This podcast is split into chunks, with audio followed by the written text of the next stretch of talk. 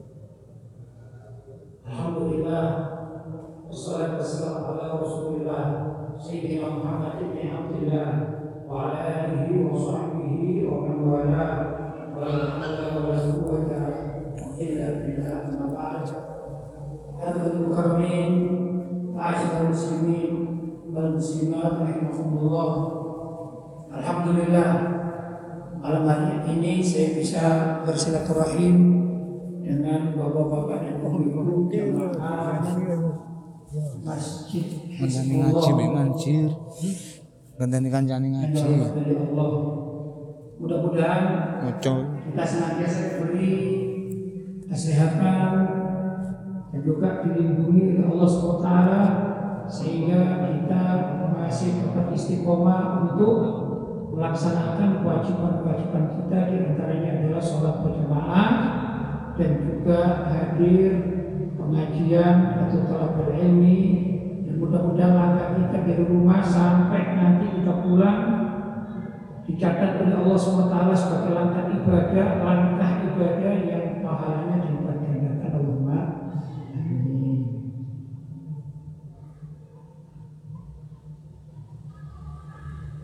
Bapak-bapak, ibu-ibu yang dirahmati oleh Allah, saat ini kita berada pada bulan yang sangat luar biasa yaitu bulan Rajab. Beberapa beberapa hari lagi kita memasuki satu peristiwa yaitu peristiwa Isra dan Mi'raj Nabi Muhammad Shallallahu Alaihi Wasallam. Sebelum saya membaca kitab sebagaimana kunjungan kita ini sedikit bicara tentang Isra Mi'raj walaupun hanya nah, secara ringkas bahwa peristiwa Isra dan Mi'raj itu adalah ujian bagi kita. Ujian keimanan bagi kita. Bagaimana maksudnya ujian keimanan bagi kita? Kita ini diuji oleh Allah apakah kita ini benar-benar beriman atau tidak beriman dengan peristiwa Isra dan Mi'raj. Karena peristiwa Isra dan Mi'raj itu sulit untuk dilogikakan, sulit untuk dipikirkan secara nalar otak manusia. Gitu. Bayangkan Nabi Muhammad Shallallahu Alaihi Wasallam tidak pernah pergi sebelumnya, tidak pernah pergi ke ah, Palestina yang barangkali jarak antara Mekah dan Palestina itu sekitar 1500 kilo gitu ya kalau sini Jakarta kalau sini Jakarta itu cuma 1000 kiloan barangkali begitu kini Jog- Malang Jogja itu 500 kilo Nah, kalau 1500 kilo kan ya cukupan apa namanya? Cukupan panjang gitu ya perjalanannya. Kemudian tatkala Nabi di Isra dan Mi'rajkan dari Makkah menuju Baitul Maqdis yaitu Palestina. Maka Nabi itu naik buruk ditemani oleh siapa? Malaikat Jibril. Ini perjalanan tersendiri. Setelah Nabi sampai di Masjidil Aqsa, maka beliau turun dan masuk sehingga beliau itu saat ditanya oleh orang kafir Quraisy, apakah benar itu Isra dan Mi'raj? Maka Nabi bisa mensifati dalamnya Masjid Al-Aqsa. Oke, kalau saya gambarkan sekarang ini saya berada di Masjid Hizbullah Singosari. Saya bisa cerita bahwa hari ini ada pembangunan atau renovasi sedikit di Masjid Hizbullah yang paling ya, sekarang dikerombok dengan apa namanya? Terpal. Ini berarti hari ini kalau saya cerita di mana saja mau di Malang Surabaya menceritakan hari ini kemudian bapak-bapak yang sudah biasa di masjid sini mendengarkan cerita saya. Ya berarti betul itu ceritanya karena hari Jumat sekarang ini masjid Hizbullah di tengah-tengah dan terpal itu rasakan ini Gak bohong kan? Ya. Demikian juga ketika Nabi Shallallahu Alaihi Wasallam menceritakan tentang kondisi Masjidil Aqsa itu tepat sekali sesuai dengan orang yang pernah melihatnya. Begitu. Itu satu. Ini adalah perkara yang goib, perkara yang harus diimani. Yang kedua, Nabi Shallallahu Alaihi Wasallam di Isra Mi'rajkan setelah Isra itu perjalanan ke Baitul Maqdis kemudian Mi'rajnya itu ke langit ketujuh Sidratul Muntaha. Ditambah lagi ada beberapa riwayat. Di antaranya beliau sampai ke atasnya Sidratul Muntaha.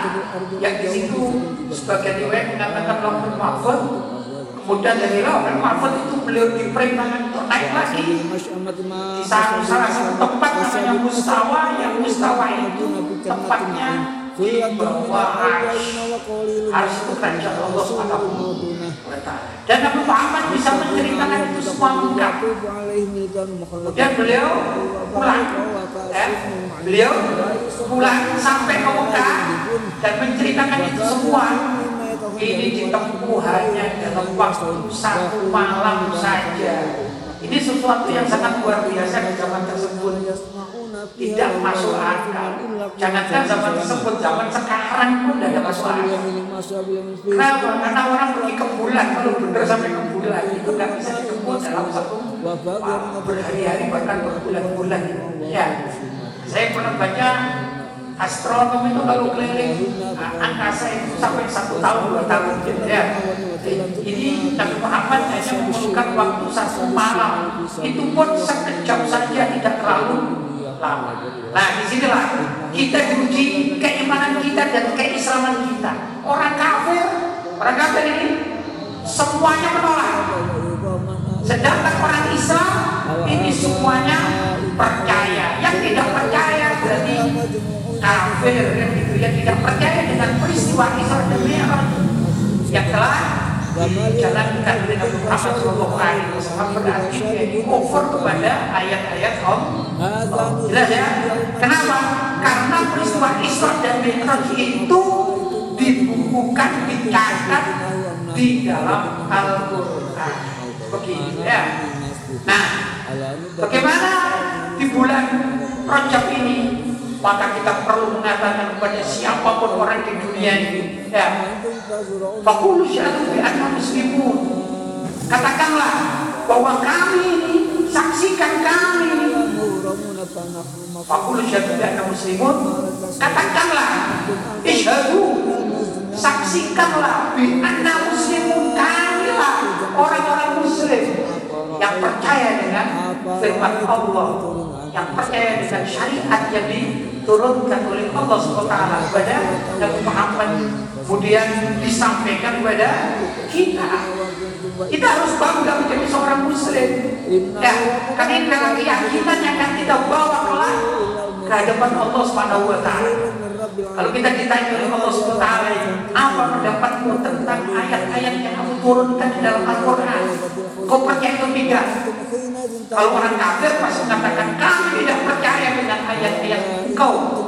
Ya Allah, maksudnya wahai Tuhan. Tapi kalau kita umat Islam pasti mengatakan Fakul syahadu anna muslimun katakanlah Isyadu saksikan Bi anna muslimun kami orang-orang Islam Yang berserah diri pada Allah Yang menerima segala macam apa pun Dari Allah taala. Walaupun orang kafir marah terhadap kita, orang kafir kita, aku ini adalah seorang muslim yang mukmin kepada ayat-ayat Allah Subhanahu wa taala. Itu kewajiban kita apa, di dalam masalah beragama. Jadi keislaman kita, keimanan kita ini di apa diuji oleh Allah Subhanahu wa taala. Ya, kita iman atau tidak iman itu diuji oleh Allah taala. Dan menyatakan dirinya muslim, mukmin kepada agama Allah, bangga dengan apa yang diberikan oleh Allah terhadap keimanan bagi kita.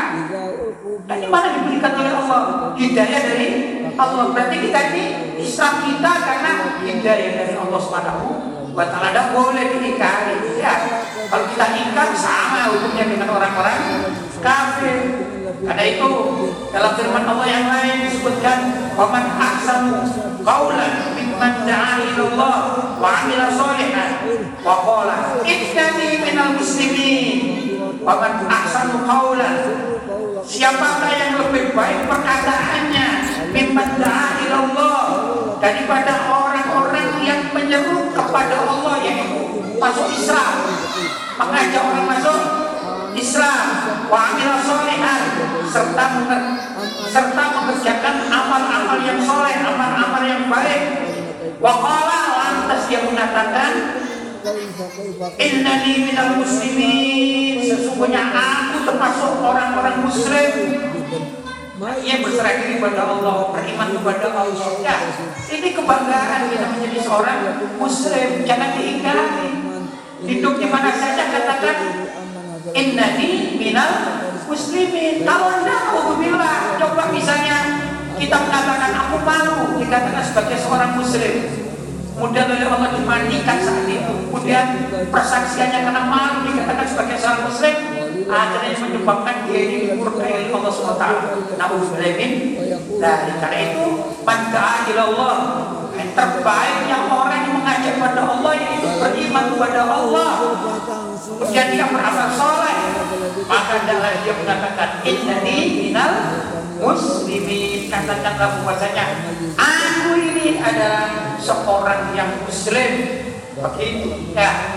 Nah ya Iwan karena itu nah, pada bulan yang sangat mulia ini kita katakan pada dunia kita saksikan kita beriman kepada Allah SWT bahwa Nabi kita di Isra dan Mi'rajkan ini benar-benar terjadi dan kita yakini kita pasrah apa pun yang terjadi kita katakan apa yang dikehendaki oleh Allah SWT itu yang terjadi. Walaupun kita tidak bisa menyaksikan dengan mata kepala kita. Gitu ya. Itu keyakinan kita terhadap apa? Isra Mi'raj Nabi Muhammad Sallallahu Alaihi Wasallam. Mudah-mudahan sedikit yang saya sampaikan ini tentang Isra Mi'raj bisa menguatkan hati kita kita yakin bahwa kita adalah umatnya Nabi Muhammad Sallallahu Alaihi Wasallam. Kita yakin kita sebagai seorang Muslim kita tidak malu untuk meletakkan apa jadi diri kita, alma mater kita, apa saja lah pokoknya yang itu menandakan keislaman kita jangan ditanggalkan di mana pun kita berada. Di mana saja kita berada mau di kalangan orang Islam atau di kalangan dunia pun kita wajib mencatatkan innani minal sesungguhnya aku ini termasuk golongan orang-orang Islam mudah-mudahan ada masanya kita lanjutkan pengajian kita pada pembahasan yaitu anjuran Nabi Muhammad Shallallahu Alaihi Wasallam agar orang itu yang masih hidup mengirimkan pahala kepada orang-orang yang telah meninggal dunia. Yang utamanya adalah Nabi Shallallahu Alaihi Wasallam bersabda, "Iqra'u Yasin ala mautakum."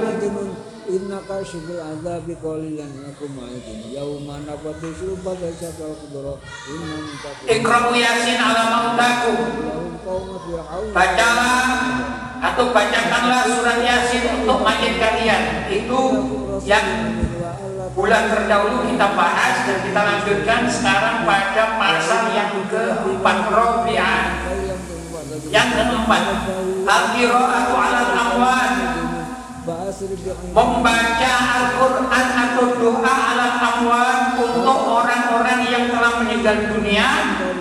Amar Nabi Sallallahu Alaihi Wasallam bahwa Nabi telah memerintahkannya.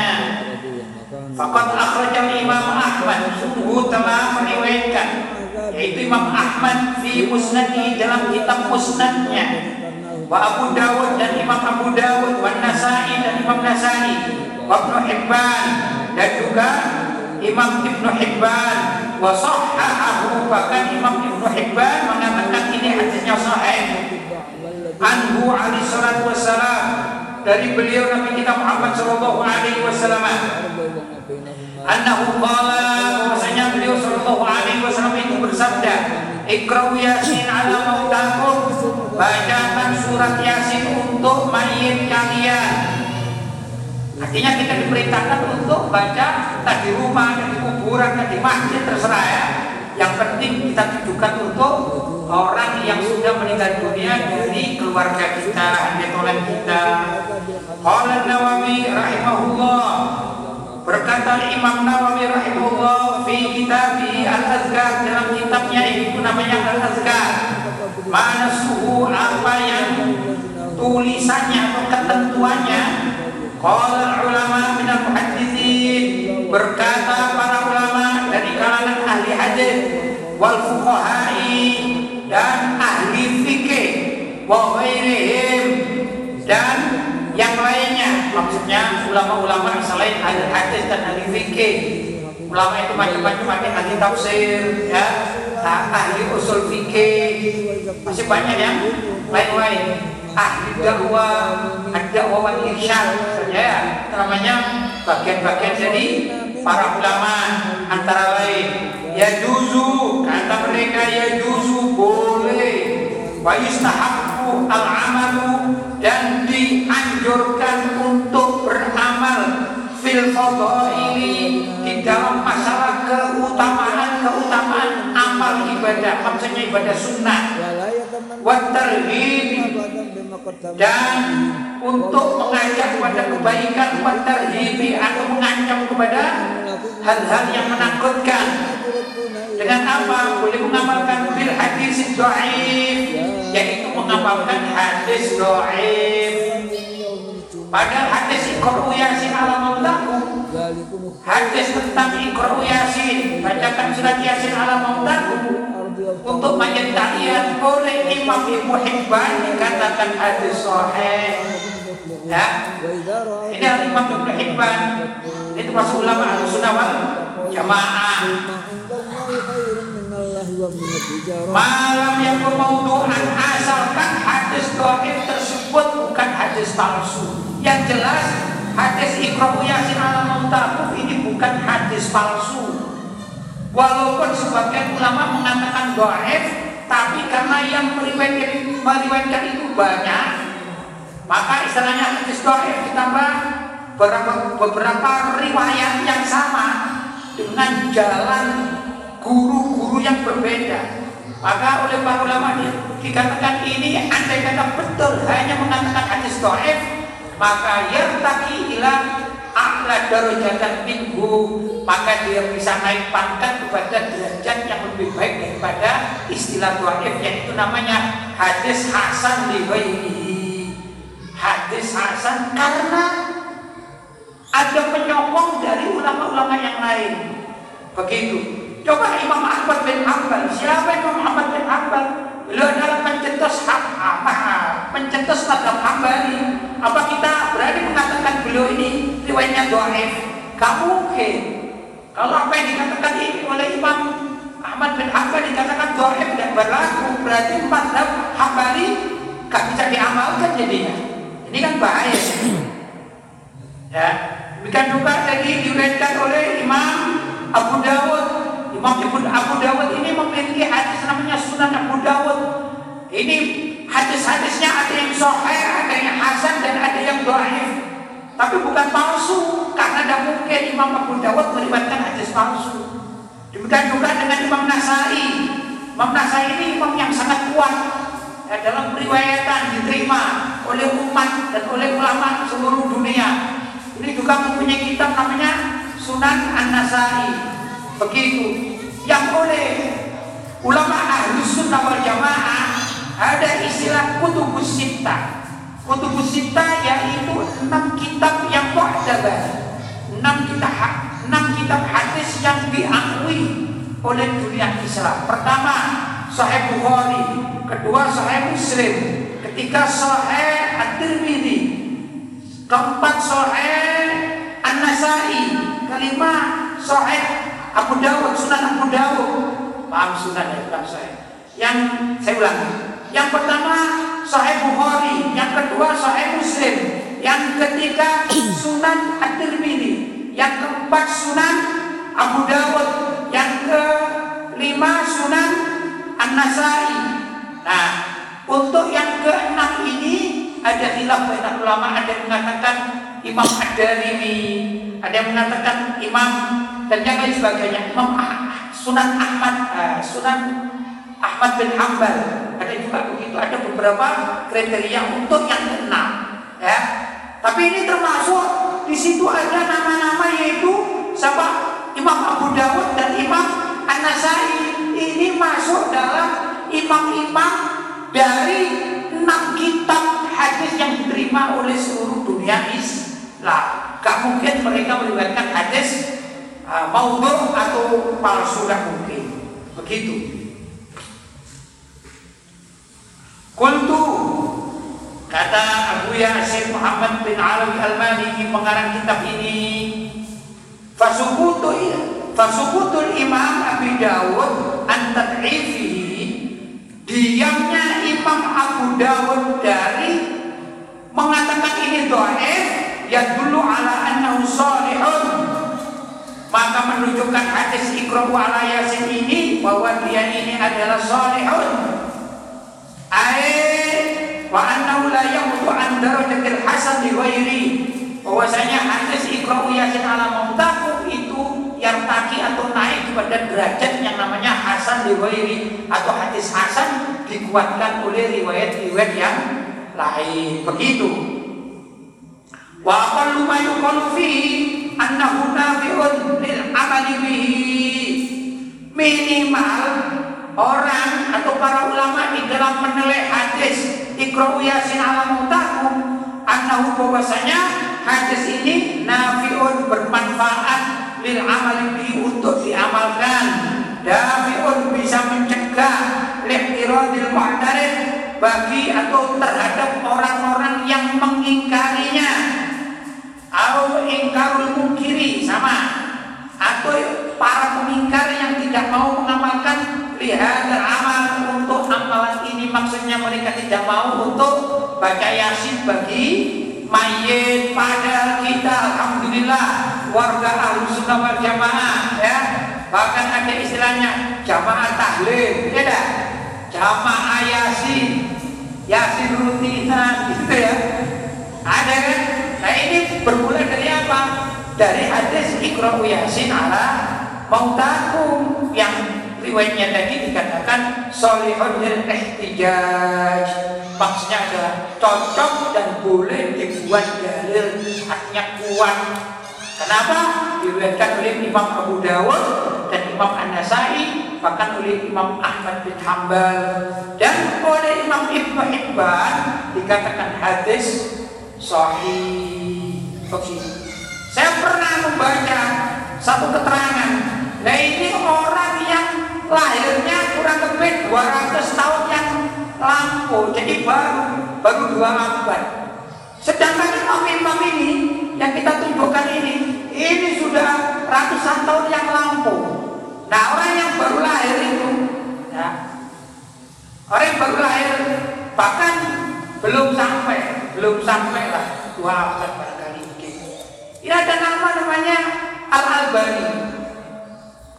Eh, ini tokoh kalau di dalam riwayatnya dia ini aslinya adalah orang yang ahli servis jam di pasar.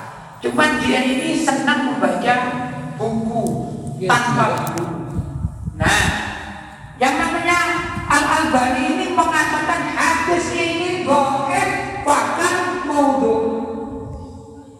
Ini imam-imam Ahmad bin Hanbal,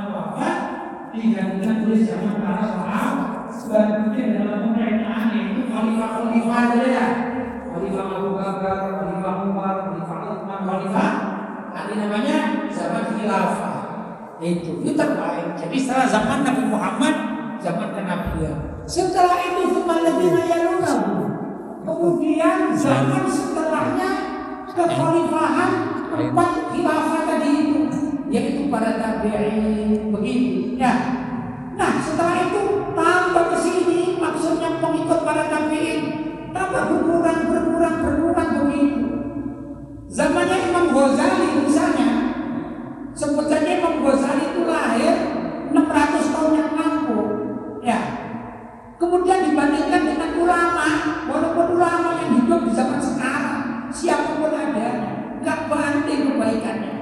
Maka Imam siapa? Imam. Imam Ghazali jauh lebih muktamad jauh lebih bisa dipegang wasiat-wasiatnya daripada orang yang hidup di zaman sekarang saling apa pun orang hidup di zaman sekarang. Begitu mestinya Loh kalau ada tokoh walaupun ini mengaku sebagai pentasih hadis namanya Al Albani dibanding dibanding dengan zamannya Imam Ahmad bin Hanbal atau Imam zamannya Abu Dawud atau Imam An-Nasai yang gak ada bandingannya. Itu seperti kita mengkanter siapa? Imam Ghazali. Ya, sama kita? Siapa kita? Gitu ya mengkanter Imam Ghazali gak banding lucu saja kalau bagi orang yang mengerti paham ya? masalahnya kadang-kadang orang zaman sekarang ini kemeru gitu ya kata orang sekarang kemeru apa apa pura-pura paling tahu sendiri gitu ya Padahal kita merujuk pada kitab-kitab salaf kita Ini tentu jauh lebih asrah dan lebih aslam Lebih baik lebih selamat Karena itu kita pun hidup di zaman sekarang ini tengok Bagaimana ajaran orang tua orang tua dahulu kan Contoh aja kalau kita bicara kenegaraan kita misalnya. Kalau orang berasumsi dengan zaman sekarang Politik zaman sekarang Mestinya harus di apa dising, disamakan atau di apa ya diperbedakan apa namanya? Ada studi ya ada studi komparasi dengan para pendiri negara ini apa tujuan para pendiri negara ini begitu mestinya ya kan contoh misalnya kita bicara pancasila ya kenapa kok, kok harus ada sila ketuhanan yang maha esa ya itu perjuangan panjang orang-orang zaman sekarang adik-adik kita nggak ngerti gitu. Ya, misalkan ada tujuh kata yang dibuat, itu apa tujuh kata? Yaitu nah, antara lain apa? Tujuh kata yang isinya apa ya? Saya lupa isinya. Intinya di situ umat Islam boleh melaksanakan syariat agamanya. Itu diperjuangkan oleh apa? Pejuang-pejuang Muslim ulama-ulama di zaman kemerdekaan urusan perjuangannya kalah itu urusan lain tapi ulama itu begitu memperjuangkan agar syariat Islam yaitu tujuh kata di dalam piagam Jakarta itu mestinya yang harus diperjuangkan gitu mestinya ya karena itu lebih dulu mereka kalau orang zaman sekarang kan udah mau DPR, MPR dan sebagainya sebagainya kan enggak ke arah sana. gitu. Nah, kalau kita mau jujur dalam kenegaraan pun mestinya kita rujuk kepada orang zaman dahulu kala dalam masalah kemerdekaan. Demikian juga dalam nah, segala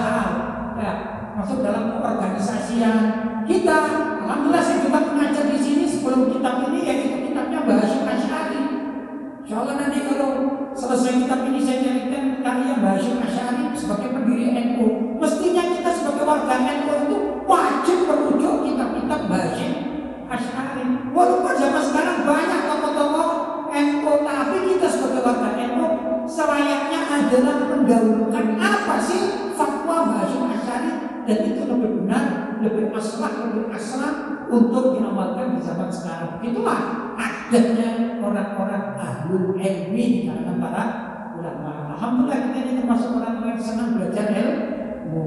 Mudah-mudahan ada manfaatnya ya ilmu yang kita pelajari. Baik, saya lanjutkan. Khususan wa annahu qad jaru alaihi amalul fuqaha khususnya bahwasanya iya yaitu baca surat yasin untuk mayit. Annahu qad jaru alaihi amalul fuqaha bahwasanya pembacaan surat yasin untuk mayit itu telah berlaku di kalangan ahli fikih fikadirin minal ansor di berbagai tempat atau kota salafan wa khalafan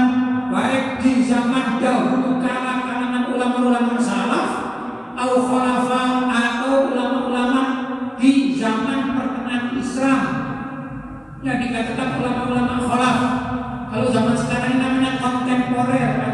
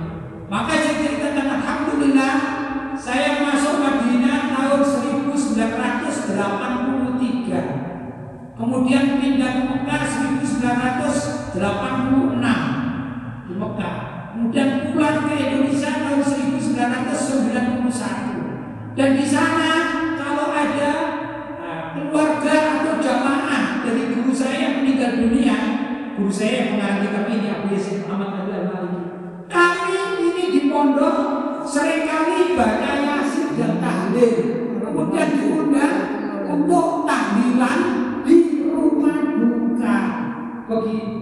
Cuma memang sedikit berbeda tata caranya maklumlah perbedaan adat sudah berubah. Biasanya kalau orang Mekah, Ahlussunnah wal Jamaah, kalau tahlilan itu kita datang langsung disodori surat-surat namanya Al-Quran Mujazah yang setiap juz itu satu juz, dua satu juz lagi misalnya juz satu satu buku ya, juz dua satu buku lagi kan gitu Mujazah namanya. Itu dibagikan. Dan banyak kesedihan di sana banyak. Al-Quran Mujazah yang dijual satu jusan itu ya sampai 30 juz berarti 30 apa? Naskah itu itu tempat dijual di Mekah sehingga rumah tangga rumah tangga itu banyak memiliki. Kalau yang hadir ya ada 100 orang atau mungkin lebih mudah kalau yang hadir 90 orang maka disodori tiga kotak tiga tempat itu dibagi kepada yang hadir disuruh bagi nah nanti terakhir ada beberapa zikir kali. zikir yang zikir berbeda kemudian kiainya atau imamnya ketuanya itu banyak doa yang ditujukan kepada mayat sama dengan kita. Kita pun di sini kan demikian ya. Pertama kita baca baca surat yasin baca surat yasin baca dengan zikir-zikir setelah itu kiainya atau imamnya baca doa untuk mayat hampir sama ya. Gitu. Tapi itu dilakukan di beberapa tempat, bukan cuma di Indonesia saja ya. Di Malaysia dilakukan, di negeri Islam dilakukan semuanya. Seperti itu. Karena itu disebutkan apa? Jarang alaihi fuqaha fi katsirin minal bahwasanya kebiasaan tahlilan atau baca yasin itu ya ini sudah menjadi kebiasaan di kalangan uh, umat Islam di seluruh dunia. Kama qarrara Asy-Syaikh Ibnu Qayyim fi Kitab Ar-Ruh kama sayati wa ghairuhu min a'immati salaf. Sebagaimana hal itu diakui, ditulis oleh Syekh Ibnu Qayyim fi Kitab Ar-Ruh dalam kitab Ar-Ruh. Kama sayati yang insyaallah kapan-kapan akan dibahas demikian juga oleh imam-imam yang lain. Saya ingin mengatakan bahwasanya Syekh Ibnu Qayyim Syekh Ibnu Qayyim itu adalah muridnya uh, Syekh Ibnu Taimiyah. Sedangkan orang-orang zaman sekarang, kasarnya orang Salafi atau Wahabi itu mengaku sebagai pengikut Syekh Ibnu Taimiyah. Cuman ada murid seniornya yang namanya Ibnu Qayyim itu menulis satu kitab namanya Ar-Ruh atau kitab Ar-Ruh. Nah ini menceritakan dalam kitab itu bahwa umat Islam di zaman tersebut juga membacakan surat Yasin untuk mayit kasarnya bahasa kita tahlilan yasinan dan tahlilan yang unik para pengikut Ibnu Taimiyah Syekh Ibnu Taimiyah justru zaman sekarang nggak mau yang ikut yasinan mau dah maupun tahlil kan unik ya kakak seniornya ikut tahlilan. Tapi adik senior tidak mau dah begini. Nah, demikian juga Ibnu Taimiyah atau juga para pengikutnya itu selalu mengatakan kami di dalam fikih mengikuti mazhab Imam Ahmad bin Hambal. Begitu, mazhab Hambali kata mereka. Uniknya Imam Ibnu Hambal atau Imam Ahmad bin Hambal meriwayatkan hadis Iqra Yasin ala mautakum bacakan surat Yasin untuk mayat kalian jadi imam yang diikuti ini yasinan dan tahlilan untuk mayit. Tapi para pengikutnya justru anti nggak mau tahlilan untuk mayit. Ini gimana ini? Nah, jadi kan menggelikan sekali. Ya mau bicara oh ini di masjid, ya enak mau bicara kasar juga ini di masjid ya. Tapi menggelikan unik, nggak sinkron sama sekali antara imam yang mengajarkan dengan pengikutnya. Begitu. Baik, saya lanjutkan sedikit.